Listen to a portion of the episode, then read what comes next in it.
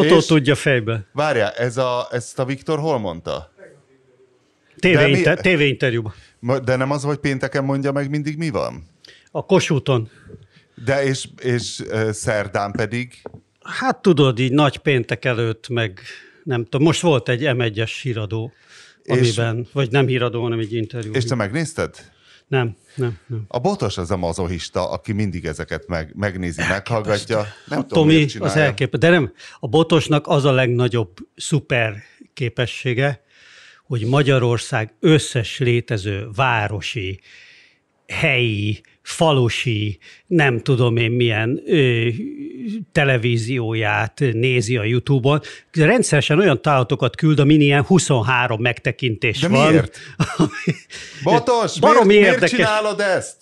Mert egy hírszerkesztő zseni egyébként. Ja, hogy, ja, értem. Jó, nem Hogy válaszol. mindent, tehát elképesztő agykapacitással tudja ezeket földolgozni. Botos elzárkózott tőlünk, mert egy felelősségteljes polgár, aki a járvány elleni védekezést tartja szem előtt, és egyébként úgy köszöntjük, Csak úgy, mint a Bede. úgy köszöntjük a hallgatókat, hogy a Bede egy szavatartó ember már bizonyos szempontból, hiszen például a Shane McGowan dokut végül nem nézte meg, és lehet, hogy szerintem ez összefüggésben van azzal, hogy végül ne, nincs antitestje. A múltkor... Shane McGowannek van antitestje, azt csak rá kell nézni. van. Más sincs, csak antit. Az egész ember egy nagy antitest.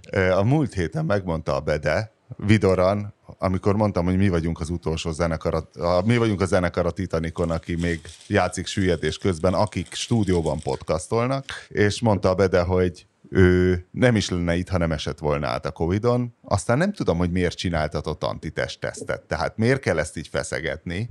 Ja, most ne kérdezzelek, mert te szegetsz. Igen, akkor monologizálok, szó, hiszen dél van. Ilyenkor az ember... Ilyenkor, Bocsánat, ja, én közben... Dél, né- basszus, én- negyed negy- 12 igen. van. De én, én négy órát aludtam, mint Orbán Viktor, csak nekem nincsenek, Romantikus álmaid?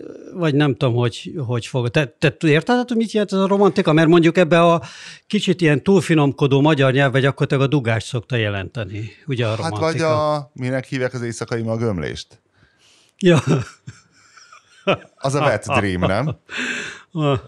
De Viktor nem a nedves álmok kifejezést használta, meg én nem is tudom, hogy mit használt, szóval visszatérve a bedére, mondta Vidaram múlt héten, hogy ő amúgy se lenne itt.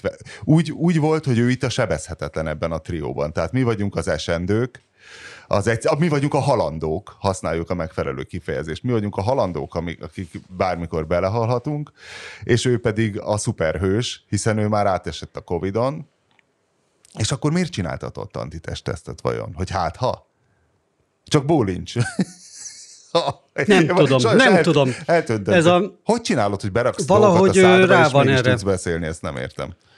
Egyébként nagyon jó ez a teljes kiörlésű croissant. Nem is ettem még ilyen jó És mi az a Fibonacci feliratú kis téglácska, a szürke? Hát tudod, a matematika mindenütt benne van. A vegán csokoládé, szépen itt vettem a madába. És Fibonacci a neve valóban, és van is rajta ez a bizonyos Fibonacci csigavonal.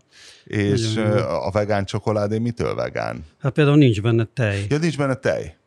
Ennyi? meg semmi más, meg állati zsiradék sem. Ugye elvileg zsiradék van a csokoládében. Hát a tejszín az állati zsiradék. Igen, De akkor például. ennyi. Igen. Tehát akkor egy étcsokoládét vettél aranyáron gyakorlatilag.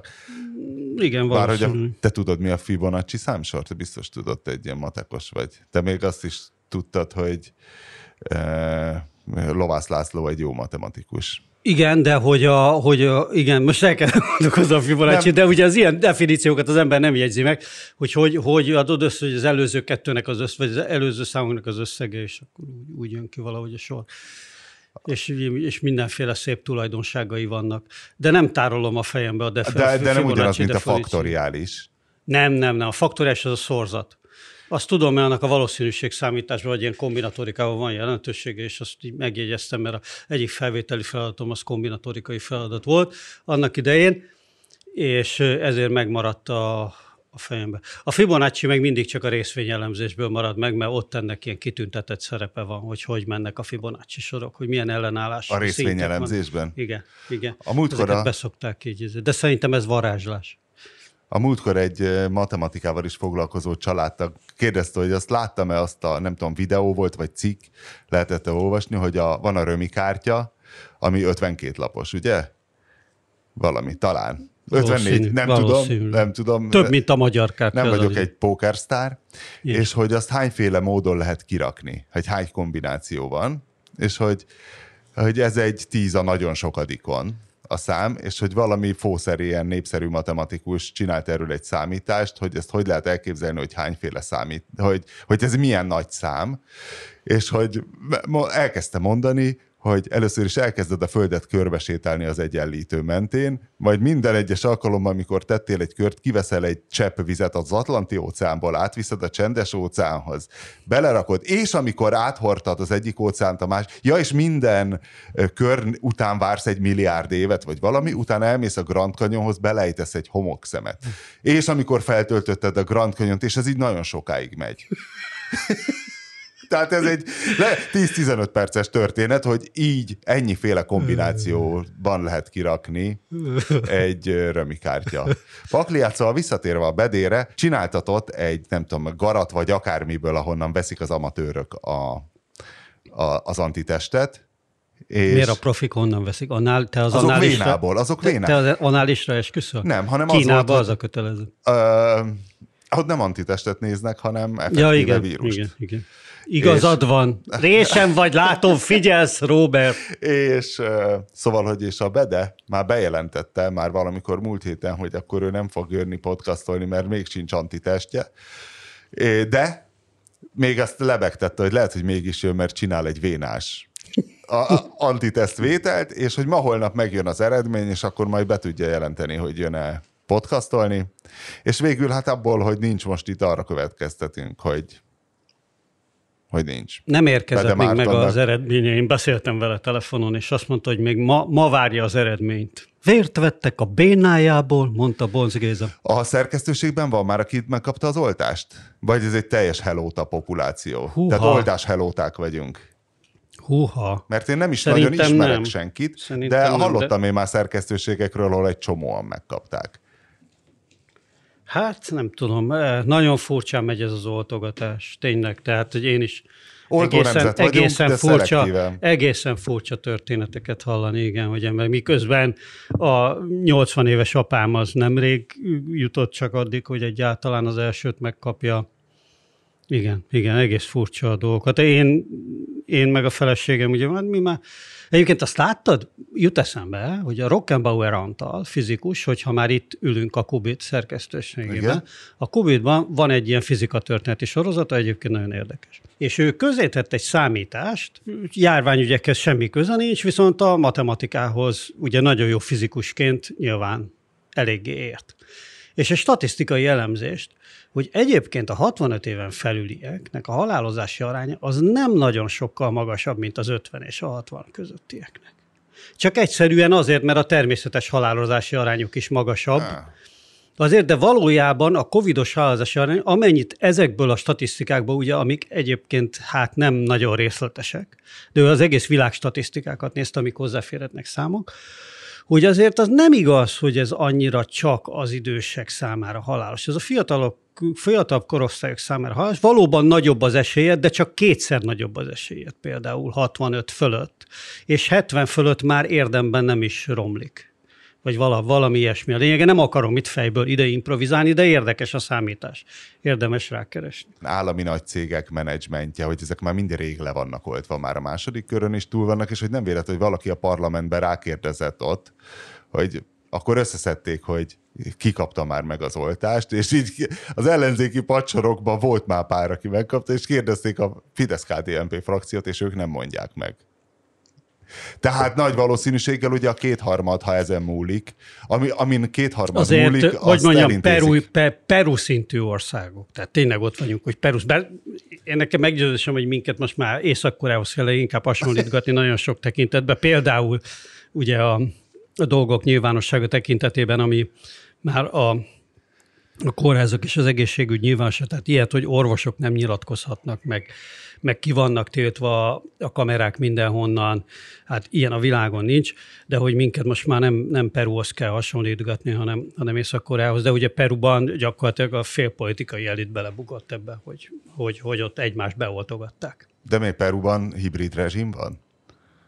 Nincs hibrid rezsim. Hát Perúban még viszonylagos demokrácia hát van, hát mondom, amennyire egy dél-amerikai országban ugye stabil alapokon, stabil intézményi alapokon nyugszik egy, egy demokrácia, de Peru és Chile a két ugye viszonylag kiegyensúlyozott sztori volt az utóbbi években, ha visszagondolsz, mondjuk Argentinához, vagy Brazíliához, vagy a többiekhez képest pláne. Nagyon nehéz fejben tartani a dél-amerikai politikai életet. Látod, de nincs itt a bede, a, nincs itt a bede, ő fejből mondaná minden. Hív föl, hív föl, még mielőtt közben, közben akkor meséld el, hogy ez hogy volt, hogy aláírtuk a levelet. Igen. Hát nem ellenzéki, csak nem kormánypárti sajtótermékek írtak egy közös levelet, amit a 444 is aláírt, hogy halló, jó napot kívánok, szeretnénk, ha beengednének minket a kórházakba. Igen? Bedelakás? Igen. Jó napot Ciao. kívánok. Gratulálok, üdvözlöm abból az alkalommal, hogy nyert egy távpodcastolást. Jaj, hát nagyon megtisztelő, köszönöm szépen. Figyelj, akkor végül is lehet, hogy van antitested, csak még nem tudod, hogy van-e. A gyors tesztem az azt mutatta ki, hogy nincs már, ami egyébként olyan szempontból nem teljesen megdöbbentő, hogy, hogy nekem azért annyira csak az elképzelhet ez a dolog, és aztán elmentem ilyen szerológiaira, vénásvér, annak meg nincs eredménye.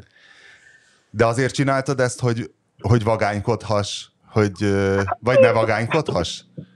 Már hogy a, nem, hát a, a vénásot azt azért csináltam meg, miután a, a pozitív gyors teszt, a, a gyors teszt az negatívat mutatott, hogy, hogy biztos legyek a dologban, mert mi van, ha esetleg mégis, de közben egyébként már kiderült, hogy nem olyan sürgős az egész, mert jövő hétre behívtak Sputnikra, úgyhogy utána minden rendben lesz.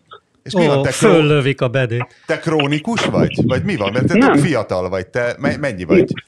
Én nem tudom, mi van. Nekem az utóbbi két napban nyolc különböző rokonomat hívták be oltásra, akik 30 és 60 között vannak életkorban, különböző magyar településeken, különböző magyar házi orvosoknál vannak. Wow. tehát valami felgyorsult, nekem, nekem az a tisztán... Hát itt valami világösszeesküvést sejtek én, nem? Nem, hát inkább talán az történik, ami, ami tegnap volt hír, hogy, hogy átadta a NEAK, vagy hogy hívják ezt a, ezt a központi rendszert, a teljes uh, regisztrált listát az egyes házi orvosoknak, tehát most már mindenkit látnak, mondja korábban csak csöpögtették nekik, és ezért ugye ez a házi orvosoknak nyilván szopó, mert most akkor foglalkozni fognak, el, foglalkozniuk kell ezzel is, de viszont legalább működik, és ez talán valami gyorsított a dolog van, de hát ezt csak úgy mondom, hogy kívülről látok, nézek egy fekete doboz. Ugye ez valószínűleg különösen hatékony a házi orvosokat mindenféle informatikai feladatokkal megbízni, amikor tudjuk, hogy a magyar házi orvosok átlag életkora szerintem a 70 felé Na, az enyém egy velem, velem egykorú agilis, így hát fiatal ember. Hogy, Na mindegy, mielőtt, mielőtt fölhívtalak, azt kérdeztem az úptól, hogy hogy volt, amikor aláírta a 444 is a nem kormánypárti sajtótermékeket. Nem, nem tudom, mi volt a levélben amúgy. Tehát, hogy haló, jó napot, nem olvastam, mint ahogy Orbán Viktor beszédet is ritkán nézek, hogy tessék beengedni minket a kórházakba, vagy mi volt? Igen. Ezt jobban elolvastad, mint Fekete Győr András publicisztikát. Igen, igen, igen, igen, ezt elolvastam, de nem És lehet, meg bennem mélységében. Le, lehet tudni, hogy ki szervezte ezt? Hogy ez hogy, hogy zajlik egy ilyen? Hú, a szervezést azt nem tudom, mert már a, mert a, a plankon keresztül esett be, de hát mondtam, hogy persze, hát ezt mondjuk... Minden a plankon keresztül jön, a Fekete Győr is így férkőzött ne. be egyébként. nem tudom, de, de nem, tehát engem, engem személyesen nem, nem kerestek vele, hanem így valahogy is spontán szerveződött a dolog.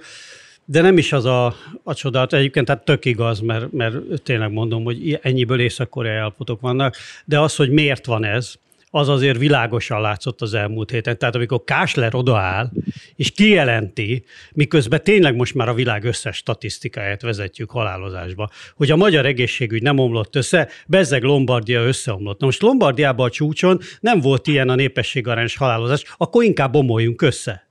Nem?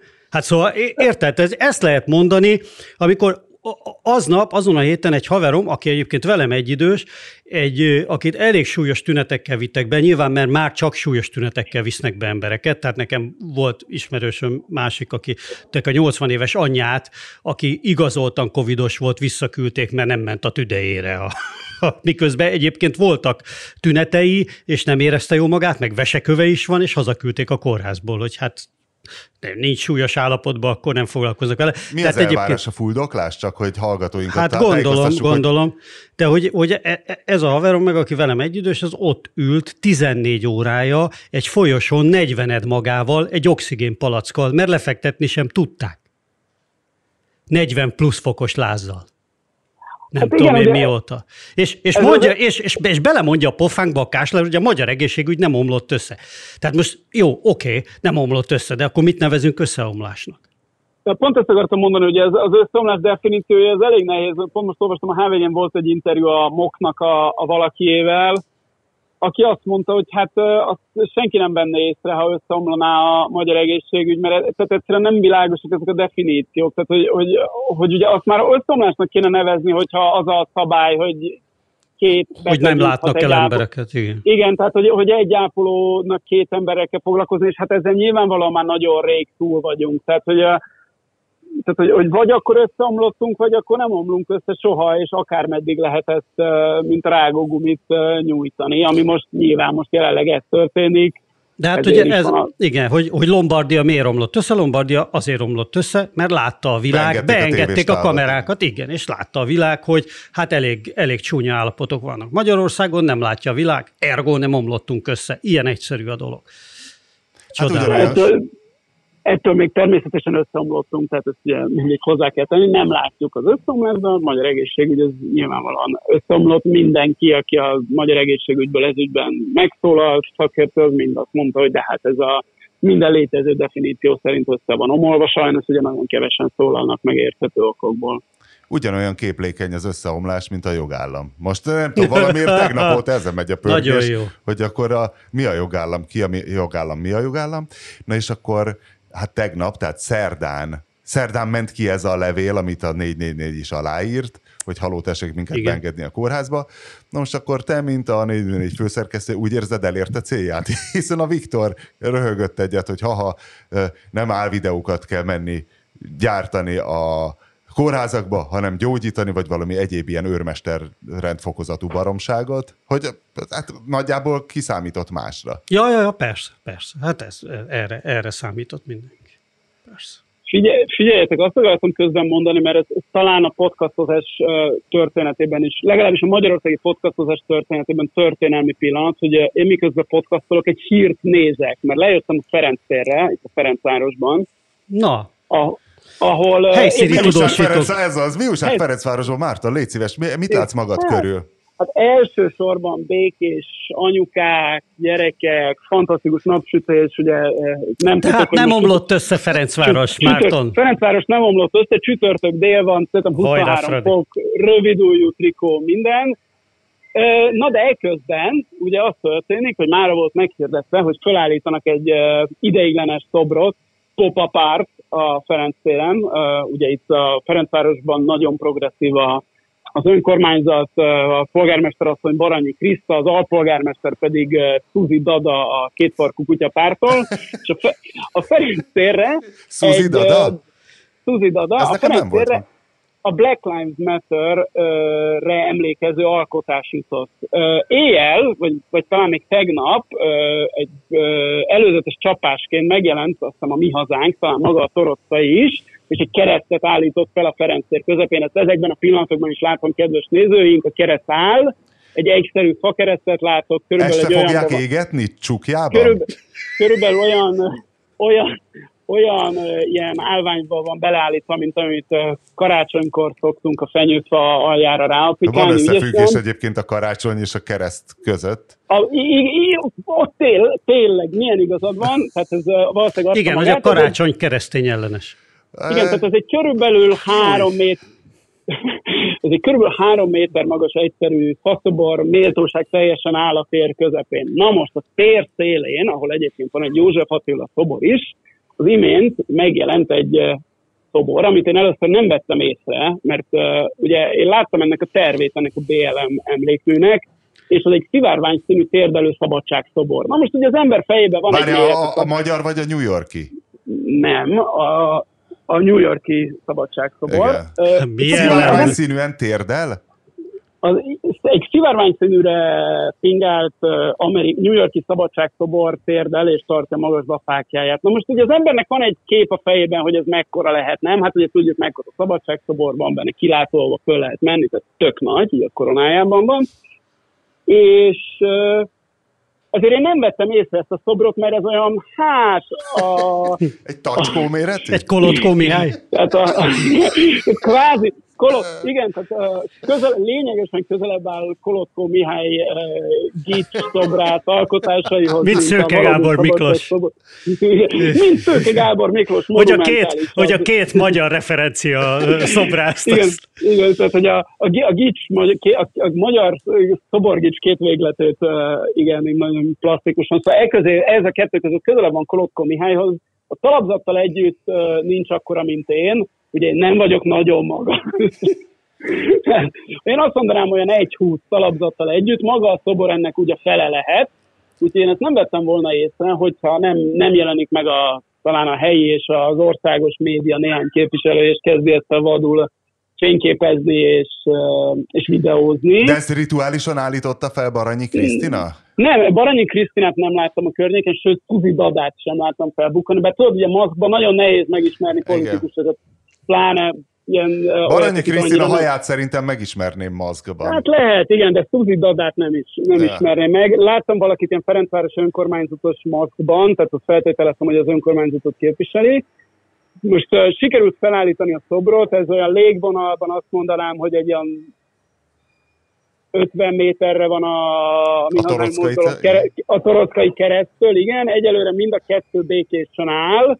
Most úgy látom, hogy a, a nyugdíjasok békésen nézegetik ezt a, a pop-up szivárványszínű alkotást, és hát várjuk a, a további fejleményeket. A 444-ben többen tippelték már ez, hogy ez a hosszú hétvégét nem éli meg.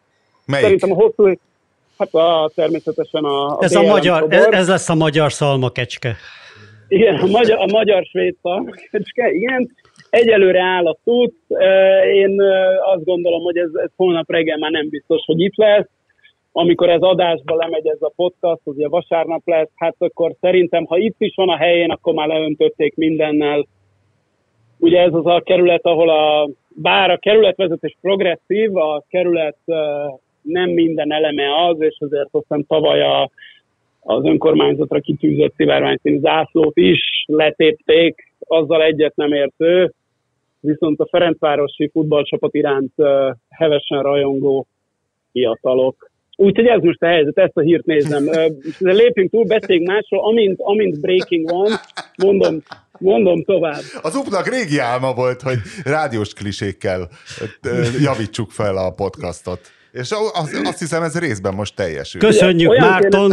és, most, és most stúdió. Tudod, az a, a, magyar, a magyar fotik szak, körkapcsolásokban is volt ilyen hang, amit megnyomtak, tehát ilyen az egyes meccsekről közvetítők, hogy jelezze a gólt, mert én nem tudom, Spanyolországban hallgattam, és mit tudom én, gól volt a, az Espanyol Ovédon, akkor valaki az Espanyol stadionjában, a riporter így megnyomott egy ilyen hangot, amit bejelzett, hogy tű, tű, tű, tű, tű, és akkor a körkapcsolásban már izgult Tessék. Igen, és akkor már izgultál, hogy gól van, csak még nem tudtad, hogy honnét. A, magyar, a klasszikus ugye, magyar rádiós körkapcsolásban nem volt ilyen, Márton. Én, én nagy körkapcsolás hallgató voltam gyerekkoromban. Aha.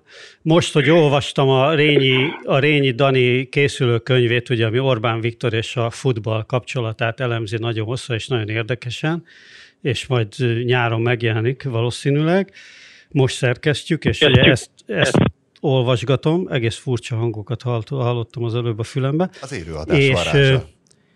És ugye egy nagyon érdekes párhuzamot találtam Orbán Viktor élete és az enyém között, aki Orbán a nagyapja révén lett focirajongó, és a nagyapjával, ugye ahogy a Dani írja, kettőjük zárt világa volt a futball, hogy együtt hallgatták a meccseket, nézték a tévében és a nemzeti sportban. És Mert én Orbán is így voltam. nem szereti a focit? Tehát Igen, nem, nem is volt jó. Tehát eleve a nagypapa nem volt jóba az apjával, az Orbán győzővel, és hát a Viktornak is voltak feszültségei, bár nem ilyen kiskorában, hanem majd később ugye emlékszünk a, a, a tévéinterjúban is említett megrugdosásra például.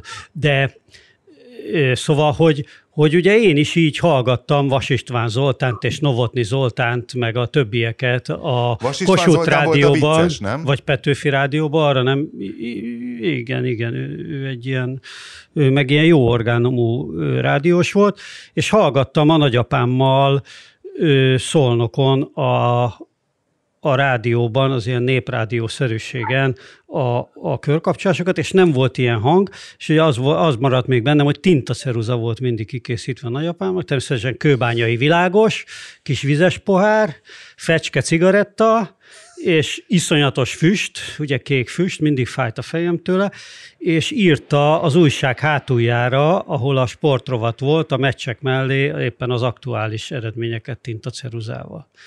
És akkor volt jó. ugye ez a nagy, nagy, nagy Újpest, ugye a 70-es évek végén, akkor nagyon, nagyon jó volt az Újpest. És e, mi Fradi drukkerek voltunk. Én az Aberdeen újpesti dózsa, nem is tudom mi volt. Kek. Az már 80-as években volt, igen. Igen, igen de még akkor is. Ágyban hallgattam rádión, mert tévé nem adta, és valahogy illegálba hallgattam rádiót. De ma akkor is ugye a magyar futballt úgy kezeltük, hogy hát már régen túl vagy csúcsán, de az, hogy a, mondjuk a legjobb négy között esik ki egy, kupa, egy kupacsapat, egy európai kupából, az hát nemzeti katasztrófa volt, hogy hát ezek, ezek, ezek a falábúak. És közel, tényleg. közel álltunk Ugye egy Manchester United-tól kikaptunk itthon kettő egyre. Ugye, azt hiszem, Amúgy visszatérve, visszatérve a kilencedik kerületbe, és a, arra, hogy most előszette Baranyi Krisztina a Black Lives Matter-t, hogy, hogy a, nyilván ez eltűn, dolgok eltűnése ritkán tűnik fel, hogy a minden élet számít plakátkampányt, azt vajon akkor törölték-e villámgyorsan és ragasztották át valami mással, amikor tele volt plakátolva az ország az, hogy minden élet számít, majd egyszerre csak beoltották az olimpikonokat és a focistákat. és akkor kiderült, hogy minden élet számít, sőt, bizonyos életek triplán hiszen ugye kell az egészséges olimpikó, hiszen ki mellett fotózkodna a politikus jövőre. Mert most, most gondoltam pont erre, hogy ez eltűnt. Igen. És hogy minek adta át a helyét. Mikor láttál utoljára minden élet számít plakátot? Nem tudom, Eltűnt. nem tudom, nem figyeltem. Nincs Tény, semmi. Engem, nekem inkább a maga az volt megrázó, hogy, hogy ezt, ezt tudták kitalálni, ezt a szlogent, ami szerintem nem volt véletlen. Na és ezt vártuk a közös levél aláírásától, amit végül is kaptunk? Persze, abszolút. Abszolút. Ez teli találat volt. Tehát, hogy kaptunk, tényleg, a, a, a, hogy mondjam, egy 10 per 10-es Kovács Zoltán. Tehát tényleg, hogy ez, ez szinte, hogyha meg lehetett volna írni előre, paródia-szerűen hozta a Kovács Zoltán, Kovács Zoltánt. Igen. Hát igen. Hát és Viktor is. Hát persze. Viktor hát, persze. hát ugyanaz. Ilyenkor központilag ki van adva, tehát ez nem, nem Kovács Zoltán nem saját mondatait mondja ilyenkor, hanem ki van ezt találva. Meglepő volt mégiscsak, hogy az Orbán erre ilyen uh, fickósan reagált. Engem biztos, hogy meglepett, hogy uh, gyere mond valamit egyáltalán. Hiszen a sas nem kapkod legyek után, és, és a, a nem kormánypárti média az igazából nem is feltétlen méltó az érdeklődésére. Egy sasnak. De hát igen, de mondjuk rendkívüli időszak van, és most a sas sem tudja eldönteni, hogy mi a légy, és mi nem az. Nekem az elméletem, hogy talán az, hogy az RTL is aláírta, ami az egyetlen, ami, ami még elég nagy nekik, az lehet, ugye eleve ilyen kamerákról beszéltek, hogy bemenni forgatni, szóval nem, nem, nem kis internetes újság, nem a, a ketchup.hu nevű kecskeméti hírportál volt az, ami elgondolkoztatta őket, nem is a média egy, és nem is a 444, hanem talán az, hogy az RPL is ott volt, az akkor hogy idegesek lettek, hogy mit akarnak ezek itt kamerák. A KSH 2011-ben 175 ezer pedagógussal számolt. A Viktor most tudatosan akarja őket meggyűlöltetni. Ez a nagyon sanda, nagyon gagyi, tehát amikor mondta, hogy hát tudja, hogy vannak ellenérzések, ez nagyjából az a színvonal volt, ez a Magdi anyus, vagy a brazil szappanoperákban az intrikus szereplő, hogy hát izé, ne is törődjetek velem, de tudom, mert tudod, hát amikor ez a passzív-agresszív anyós, hogy tudja ő, hogy a politikus, hogy a pedagógusok sokan, hogy ingyen élőknek tartják őket, mert hát van nekik nyáron az a két hónap szünet. Hát az, hogy tudatosan csinálja, az nem kérdés, és szerintem az nem, nem utáltatja meg a magyar társadalommal a, a pedagógusokat, erről pontos felmérések vannak, a, az Illés, a Turavec Illés írt a 444-re azt a nagyon jó cikket a héten, hogy hogy csinálnak bűnbakot a pedagógusokból, és abban is be van linkelve az a kutatás, hogy a, szemben az a nem hogy a 30-as, de a 80-as évekkel is, amikor a pedagógus szakmának még volt valami tisztelete, ma már nincs. Úgyhogy nem az Orbán miatt nem szeretik a magyarok a pedagógusokat, hanem tényleg nem tartják őket sokra.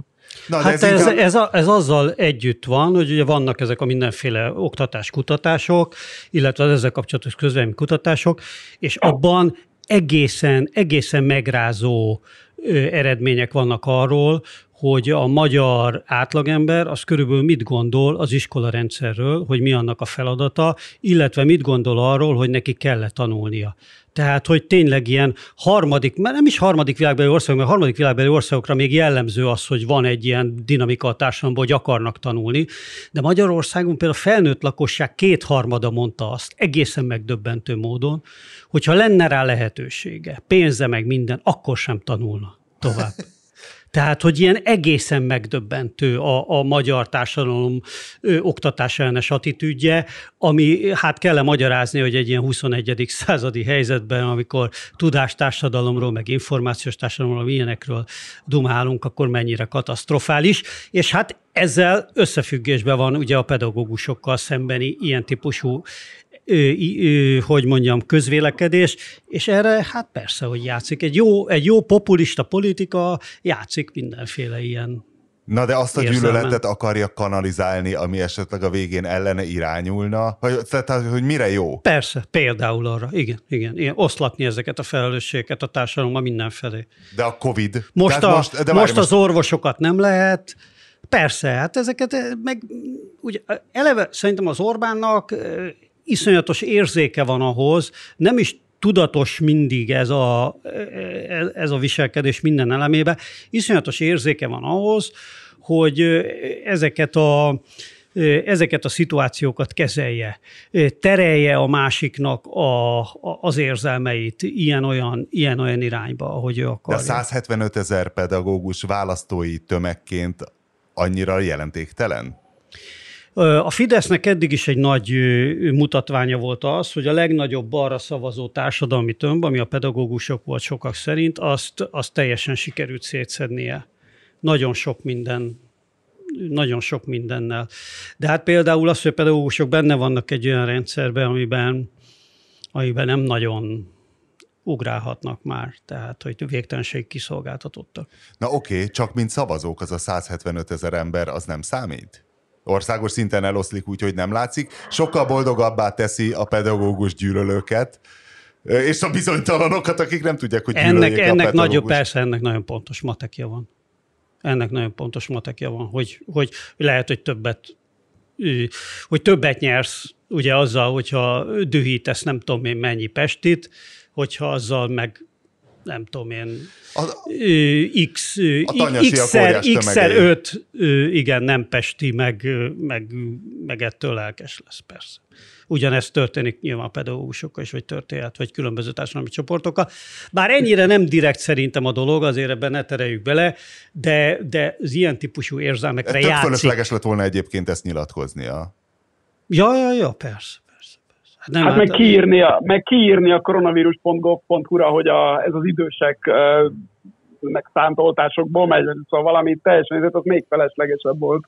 De hát így, így gondolkoznak, hogy, hogy összességében így jön ki a matek, persze, De amit én, a Péter én... mondott. Én valami ösztönös utálatot is sejtek, mert voltak azért Viktornak ösztönös reakciói, tehát amikor ugye az első hullámban először be kellett zárni az iskolákat, mert megmondta Viktor, és egyből megfenyegette ezt a 175 ezer, vagy hát azokat a részüket a pedagógusoknak, akik ugye általános iskolában tanítanak, hogy akkor nem kapnak fizetést, az egy ösztönös volt, tehát ez olyan volt, mint a tényleg Viktort molesztálta volna egy tanár, és ezt nem tudta volna még feldolgozni mostanáig. Tehát ő ösztönösen rühelli a pedagógusokat valószínű, ott tökre úgy, úgy nézett ki. Én ezt nem hiszem, ő, ő, ő ösztönösen imádja használni a hatalmát. És a pedagógusok egy olyan réteg, ami fölött korlátlan hatalma van egyszerűen az állam felé való kiszolgáltatottság miatt. Na de hogy akkor emlékeztek mi volt, hogy az emberek, tehát azért volt az, hogy mégis bezárták az iskolákat, mert effektíve az emberek vették ki az iskolából a gyereküket. Igen, igen, igen. Na de hát, hogy akkor is, akkor így izomból rögtön, de tehát akkor miért a pedagógust fenyegeted? Tehát azzal most rokon szembesebb leszel bárkinél? Ö, szerintem sem, tehát hogy bár egyfelől azt gondolom, hogy ez azért ki van számolva, és direkt csinálják így, másrészt azért abba el tudják magukat számolni, ma szintén mi van ma csütörtökön, ment ki reggel a szintén a Szurovet Illésnek egy kiváló cikke a 444-re, amely egy hatalmas kutatást ismertet arról, hogy a hogy a magyar társadalomban hogy alakulnak ilyen makro folyamatok, és hogy nyeri meg a Fidesz a különböző kisebb csoportok szavazóit, és az egyik fogalom, ami ebben van, ez a lokális integráló, amit ők a lokális integrálónak nevezik a kisebb városokban, falvakban a nem csak a polgármestert feltétlenül, de a, mit tudom én, a népdalkör vezetőjét, a, a helyi orvost, a civil szervezetőt, gondol, a helyi elit, igen, igen, ilyeneket, kocsmáros. Igen, tehát ez a helyi elit, aki, akit azt kell fogni, és annak a véleménye. Tehát, hogy ilyen, igen, igen, mikro, igen, igen. Ilyen, az influencerek, mikro, mikro igen, opinion leaderek és early adopterek. Abszolút, abszolút az influencer a jó izé, a jó, a jó kifejezés ezekre, és azért most az utóbbi egy évben, tehát hogy az Orbánék, tehát én, én, az orvosokat is azért úgy felidegesítették, az egészségügyben dolgozókat, a tanárokat is még jobban, tehát lehet, hogy ennél a helyi vállalkozó és a polgármester több követővel rendelkező influencer, de azért ezek mégiscsak valakik a, az akárhol, érted? Én is olvasom, hogy miket ír ki az egyre idegesebb házi orvosom a Facebookra, más is olvassa, amit az egyre idegesebb házi orvosa ír a Facebookra, az is egy influencer valahogy.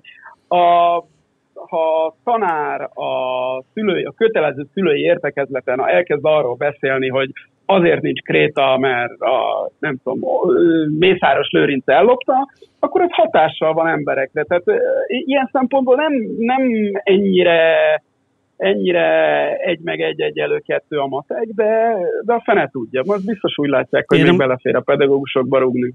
Én nem akarok átmenni egy ilyen spontán, egy, spontán egyszemélyes kocsmai tárkiba, de ugye szerintem pont azt látjuk a magyar társadalomban, és én úgy tudom, hogy, hogy erre vannak kutatások, hogy igazából ez a fajta struktúrája is a társadalomnak, ami valóban ilyen helyi helyi influencerek, vagy hogy nevezted, integrátorok, lokális integrátorok.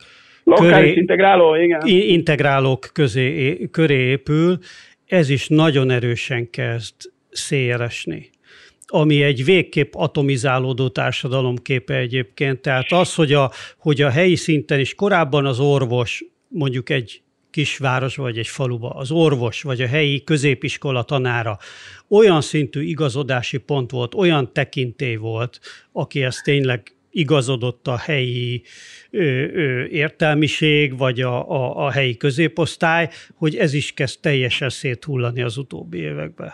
Én, én, én úgy tudom. Hát egyébként ez, ez a rendszerváltás óta, vagy már rendszerváltás előtt elkezdődött folyamat, de hogy ez azért elég gyorsan folytatódik, és ezt, ez a fajta politika szerintem elég keményen, elég keményen löki, ami gyakorlatilag az, hogy nem lesz integrációs erő a társadalomba, csak valamiféle ilyen új, nem tudom én, egy ilyen új típusú kontrolláló állam. Hát egy megfigyelő állam, vagy mit mondjak. Nem akarok antiutópiát ba se, vagy egy ilyen disztópiába átmenni, de valami ilyen megfejtés lehet a vége. Tudom, hogy nem ez a legfontosabb kérdés, de szerintem kínozza a magyarok jelentős részét. A kínzó kérdés, hogy Viktor miért utálja a nyitás szót, és miért mondja minden lehető alkalommal és propagandával is, hogy újraindítás. Mi baj a nyitással, mi baj, vagy miért szereti az újraindítást? Ez biztos, hogy valami őrületes, mögöttes tudat alatti reklám ez, mint amikor stroboszkóppal beégetik az agyadba, hogy dohányoz. Miért? De pontosan ez, tehát hogy, hogy, hogy miért építenek jobb, különböző... Hát ezt miért találták rossz a nyitás? ki. Miért rossz a nyitás? Mi, mi hátránya van a nyitásnak? Ott van a te nyájad, megriaszt Open őket, Society hogy... Institute. Hoppá. Erre, erre, nem, erre nem gondoltál még? Nem. A nyílt társadalom? Na be, de szerinted miért, miért utálja a nyitást? És miért szereti jobban? Én, a... én nem tudom, Szerintem, én szerintem is, én is azt mondanám, amit a Péter mondott, hogy ugyanúgy, ahogy kimérték, hogy a migráns szót kell használni, és nem a bevándorlót vagy a menekültet. Nyilván, hogy ez van, de miért? Ez, nem, nem tudom, hát ez, ez de a, azért, mert, nem látok mögé. Azért, mert úgy működik ez az egész kommunikációs gépezet, hogy minél kevesebb szóval, minél direktebb üzenetekkel, és azokat az üzeneteket, azt a kevés szót, az beégetni minél erősebben az agyokba. És, és hogyha van egy szó, amit kitaláltak, akkor ahhoz ragaszkodnak. És nem azért van feltétlenül, mert...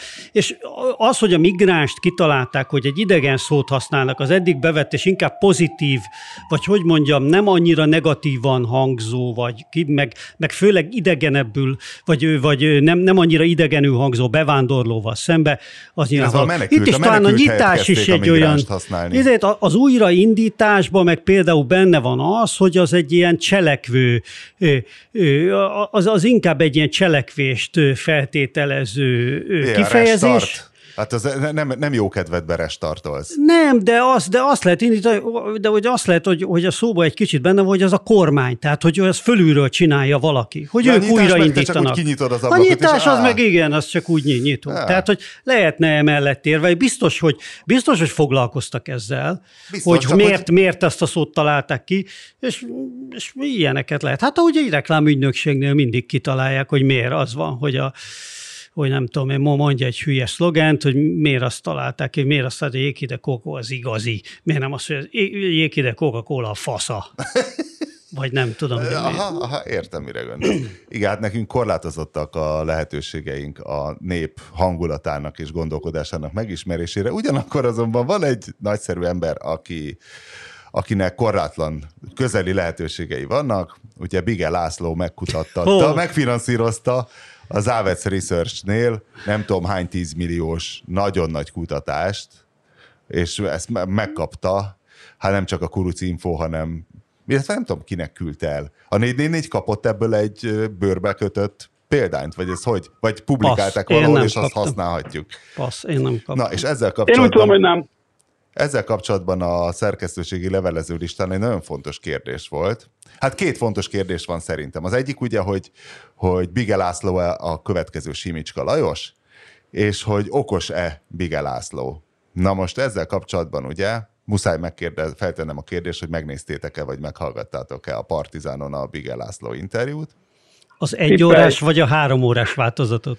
Hát a Bede nyilván be, hát beállította a sorba Shane McGowan mögé, álljon be oda, Bige úr, legyen szíves ott Shane-nel, addig igyanak valamit. Egyébként, a, egyébként Shane McGowan és Bige László kommunikációs képességei azért sok mindenvel hasonlítanak, bár én sem lehetek nagyképű ezen a területen, mert én is borzasztóan beszélek, de azért a, a, a Bige interjú az tényleg rettenetes. Tehát az pokol volt az egy órát, és az meg, meg, meg végignézni. Tehát, hogy abba, abba befejezett mondat nem sok van. És mondom, én vagyok az utolsó, aki, aki bírálhatom, mert hogy én itt fárasztom ugyan a hallgatókat ebbe a podcastba, és tényleg rettenetesen beszélek így élőbe de hát Bige László talán még sokkal rosszabb nálam is. Nekem olyan Áder Jánosos, tehát nem kellemetlen, de nekem meglepően kellemes jelenség volt, a róla készült fotókon mindig, mint egy szfinx úgy áll, és valójában nem is olyan a feje. Én azt hittem, hogy neki egy olyan fura, koponya formájú, egy ilyen szfinx jellegű Igen, teljesen volt. más volt a feje a videón, mint amilyen a fotókon szokott lenni, ezt én is, ki, ezt, ezt, ezt én is kiszúrtam,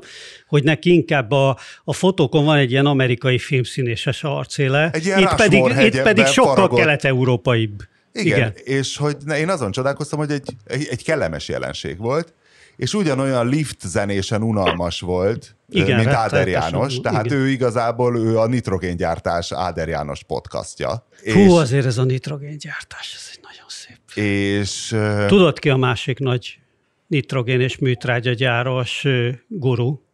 Vagy hát Ró, nem más. Rót Sanyi, Rót Sanyi bácsira gondolsz? Roft, igen. És Sosem az megvan, hogy nagyon... Ki ez a Roft Chandler? Hát Rót Sanyi, Rót Sanyi bácsinak hívják, ez az, az Alexander Roft az a művész, mert Rót Sanyi bácsi egy ügyes, egy kárpátaljai származású ügyes üzletember, jelenleg egy, millió dollár, egy milliárd dollár feletti vagyonnal, ő a többek közt a Köves Lomóéknak a nagy szponzora, és ennek az egész hátid tér foglalásnak.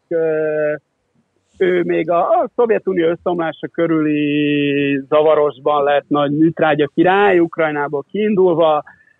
Egyesek szerint nem minden pillanatban követve a nyugati biznisz erkölcsi standardjait, hanem más dolgokat is Hát a, de... ez az orosz gázüzletbe előfordul, ugye, mert hogy a műtrágya gyártás az gyakorlatilag földgázüzlet, mert hogy abból van a műtrágya.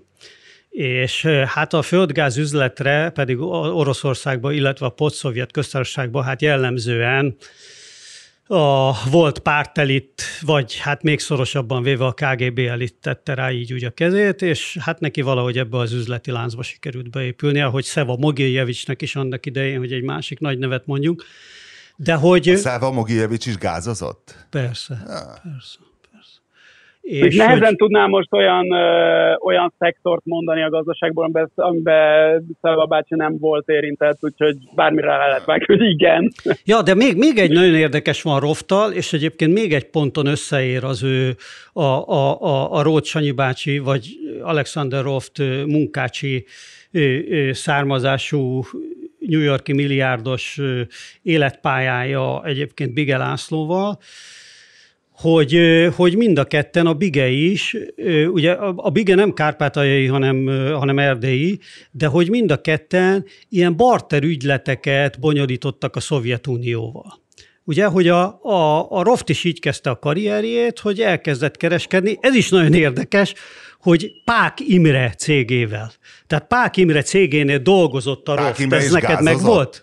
Nem, nem gázozott, akkor még nem volt gáz, hanem Pák, Pák Imre egy naturális műgyűjtő, nem? Igen, ő is egy munkácsi származású és egyébként a magyar szélső jobb oldallal, vagy hát a magyar nagyon jobb oldallal... Pák Imre egy munkácsi származással lett nagy munkácsi gyűjtő. Igen, igen, igen, igen, igen, igen. No, ő a Roft, és az a vissza, hogy a Roftal neki itt, neki itt van össze, nem tudom, hogy New Yorkban jobban vannak-e, vagy, vagy, vagy találkoznak, találkoztak-e még, ugye, hogy, hogy, hogy Pák Imre pedig ugye Tordján József nyaraltatójaként is elhíresült annak idején, hogy ugye együtt voltak, meg továbbá Fási Ádám volt neki nagyon nagy haverja valamiért még itthon, és ilyen körökkel lévő. És az ő cégénél kezdett Alexander Roft annak idején a Szovjetunióba, ugye, nagyon, nagyon érdekes kis történetek ezek, de ez csak azért jött elő, mert hogy Bige László is hát hasonló üzletekkel foglalkozott, arról nem tudunk, hogy egyébként az ő karrierje effektív összefonódott volna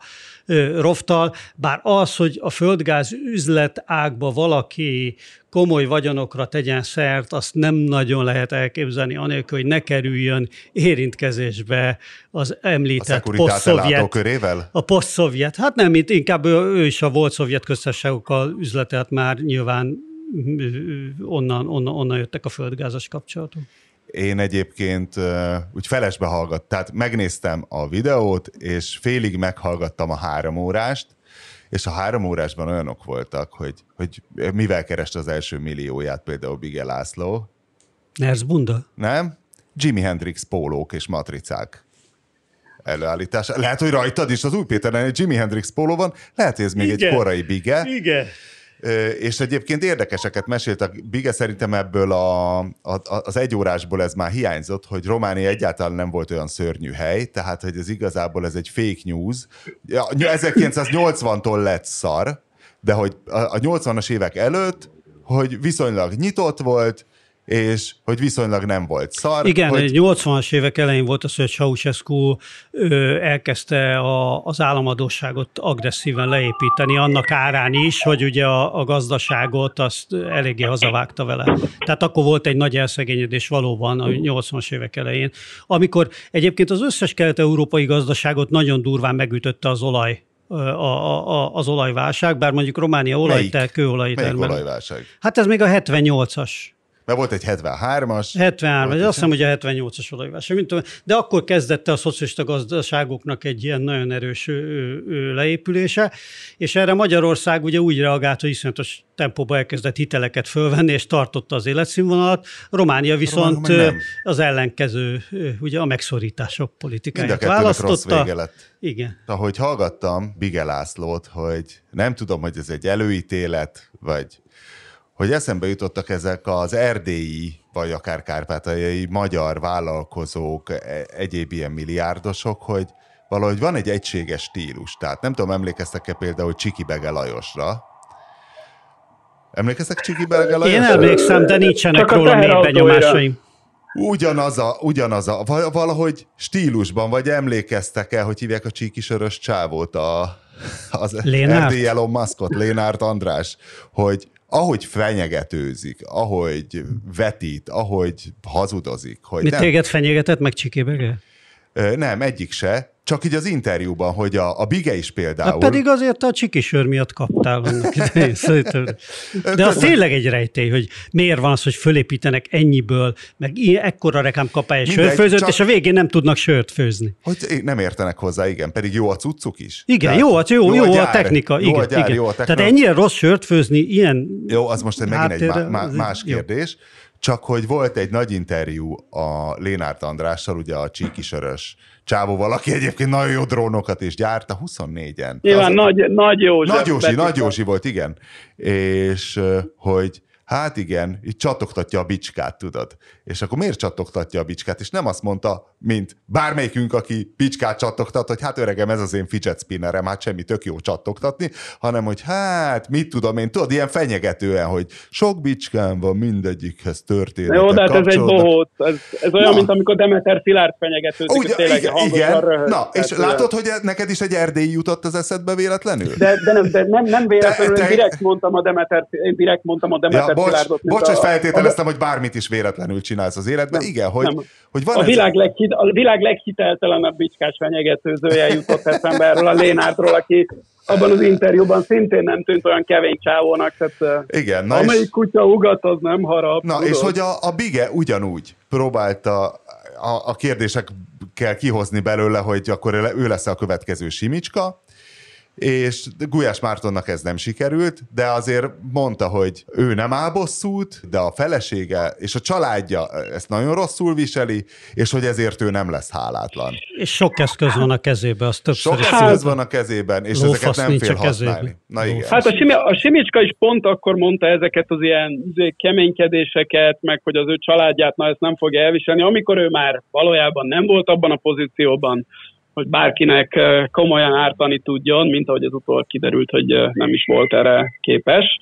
Én a Bigéről ugyanezt gondolom, hogy, és azért, amikor a Simicska, amikor a csúcson volt, akkor azért ennél ő keményebb módszerekkel és nem a Partizán videó interjújában üzengette, hát meg, intézte a dolgait, hát hanem akkor el, tehát akkor el volt intézve, ha amikor a Simicska csúcson volt. Hát meg ha valakinek volt valami a kezében Orbán Viktorral szembe, az a Simicska volt. A Bigelászlónak semmi nem lehet a kezébe, elvileg is kizárt. Simicskának legalább elvileg meg volt az esélye. Persze az egy tökéletes, mondom, annak idején egy tökéletes metafora volt, hogy azt mondták, hogy atombomba, mert atombombát mikor tudsz bevetni, akkor, hogyha senki másnak nincs. Ugye atombombát utoljára akkor vetettek be, egyetlen egyszer a történelemben. Ez volt az atombomba metafora lényege? Tehát ez egy pontos Szerintem, metafora volt? Szerintem igen, nem, nem ez volt a lényege, de véletlenül beletalált a metafora, mert az atomfegyver az, amit soha nem lehet bevetni, ugye, hogyha a másiknak is van meg különben vége. No, és ugye itt is az történt a Simicskán, hogy nyilvánvaló volt, hogy soha nem fog bevetni semmit, hiszen az Orbánnál legalább akkora, vagy sokkal nagyobb atomarzenál van vele szemben. Tehát, hogy akkor nem lesz új Simicska Bige Lászlóból. Nem. Sőt, régi, sim, sőt régi Simicska sem. Hát régi Simicska végképp nem lesz belőle, mert a régi jó Simicska azért az, az, az az abból nem maradt már semmi. Igen, tehát nem volt egy Alexander Ross, de azért valaki volt. De, de a Maseri Bistróba tudott volna mesélni a vízzel, Laci. Mi? A liter konyakos. Hát véletlenül az volt a törskocsmánk nekünk a 90-es évek elején, ami a Simicskának is a, volt Maseri Bistro, ott alakult meg a Fidesz is a Bartok Béla út elején, és a Vízel Laci volt ott a tulaj, meg főnök, és neki voltak mindig ilyen jó történetei, hogy bezzeg, amikor a Lajos még lejárt, és a liter konyakot éjjel egykor meghúzta. Ó. Oh.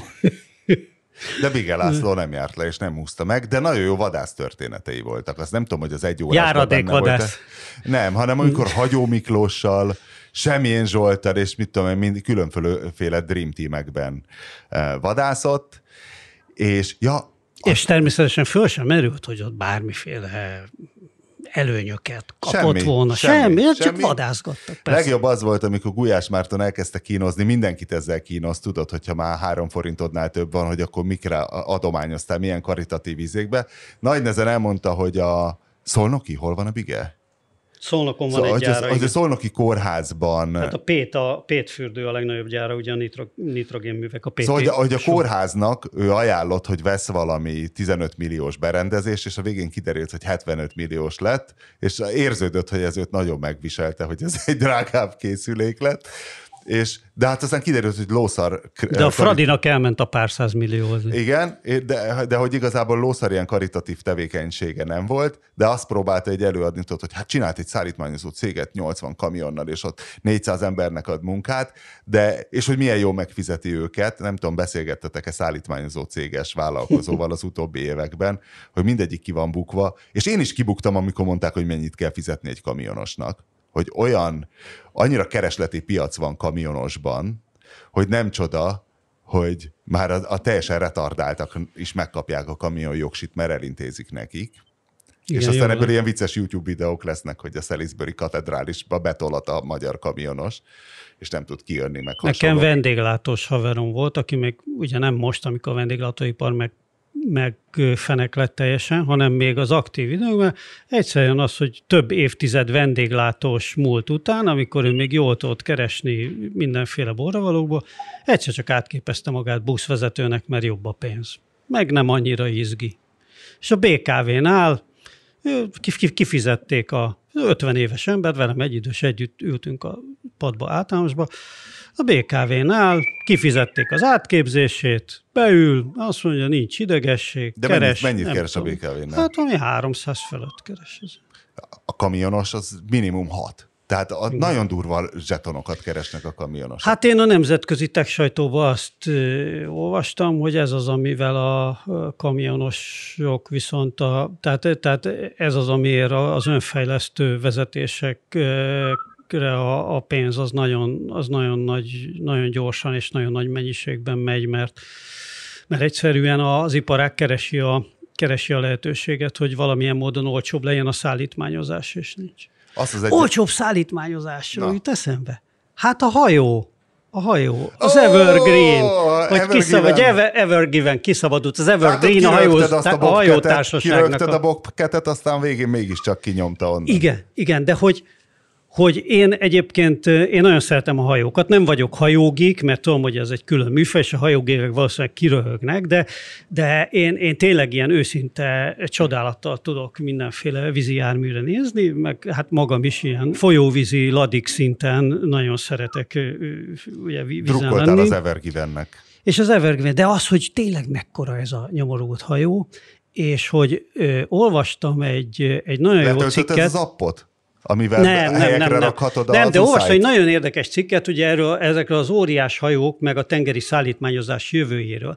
És írt egyet a, nem tudom, a Marci biztos ismeri, a Peter, Peter R. ország, azt hiszem. Az Obamának volt valami kincstárnoka, Ja, és, ja, ja, ilyen ja. Nagy, és ilyen nagy környezetvédelmi, meg egyéb ilyen befektetési szakértő, mindegy ország Péter, egy magyar származású, egy, egy magyarországi zsidó család, azt hiszem, hogy ő már talán harmadik generációs amerikai, de mindegy, magyar neve van, és írt egyet erről a tengeri szájtmányozat, hogy te tudtad, hogy milyen üzemanyaggal mennek egyébként ezek a hajók? Az a nehéz olaj, ami az Így aszfalt fölött így van, egyen. Bunker, bunker fuel, igen, hogy ez egy, és hogy, a, és hogy ugye a globális felmelegedést okozó kibocsátásnak a 3%-a az ugye ebből Hát a... és így írtották ki a svédek a környezetvédelem jegyében az amazóniai esőerdőt.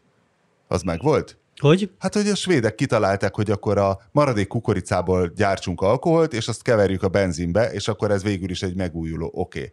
De kicsit fölment az Igen. ára, egy kicsit elfogyott a kukorica, hát vegyük Brazíliából. És akkor Brazíliába hát a, fel Igen. kell szabadítani helyeket annak a sok kukoricának, és a végén mivel hozzuk Európába? Ezekkel a fostalicska batárokkal. Igen, a Winklinek kedvenc téma, és valószínűleg teljesen igaza is van, hogy micsoda baromság, hogy a, a, a közúti személyközlekedést támogatják, ugye, vagy annak az elektronizálását támogatják, amikor valószínűleg Én a kamionoknál azt nem értem, hogy, hogy miért nem a vasúti szállítást fejlesztik, hogy miért az önvezető kamiont tehát, hogy miért nem vasúti elosztó terminálokkal, miért nem lehet ezt sokkal gyorsabban, hatékonyabban megcsinálni? Valami oka nyilván van, gondolom az az elsődleges, hogy nem termel GDP-t.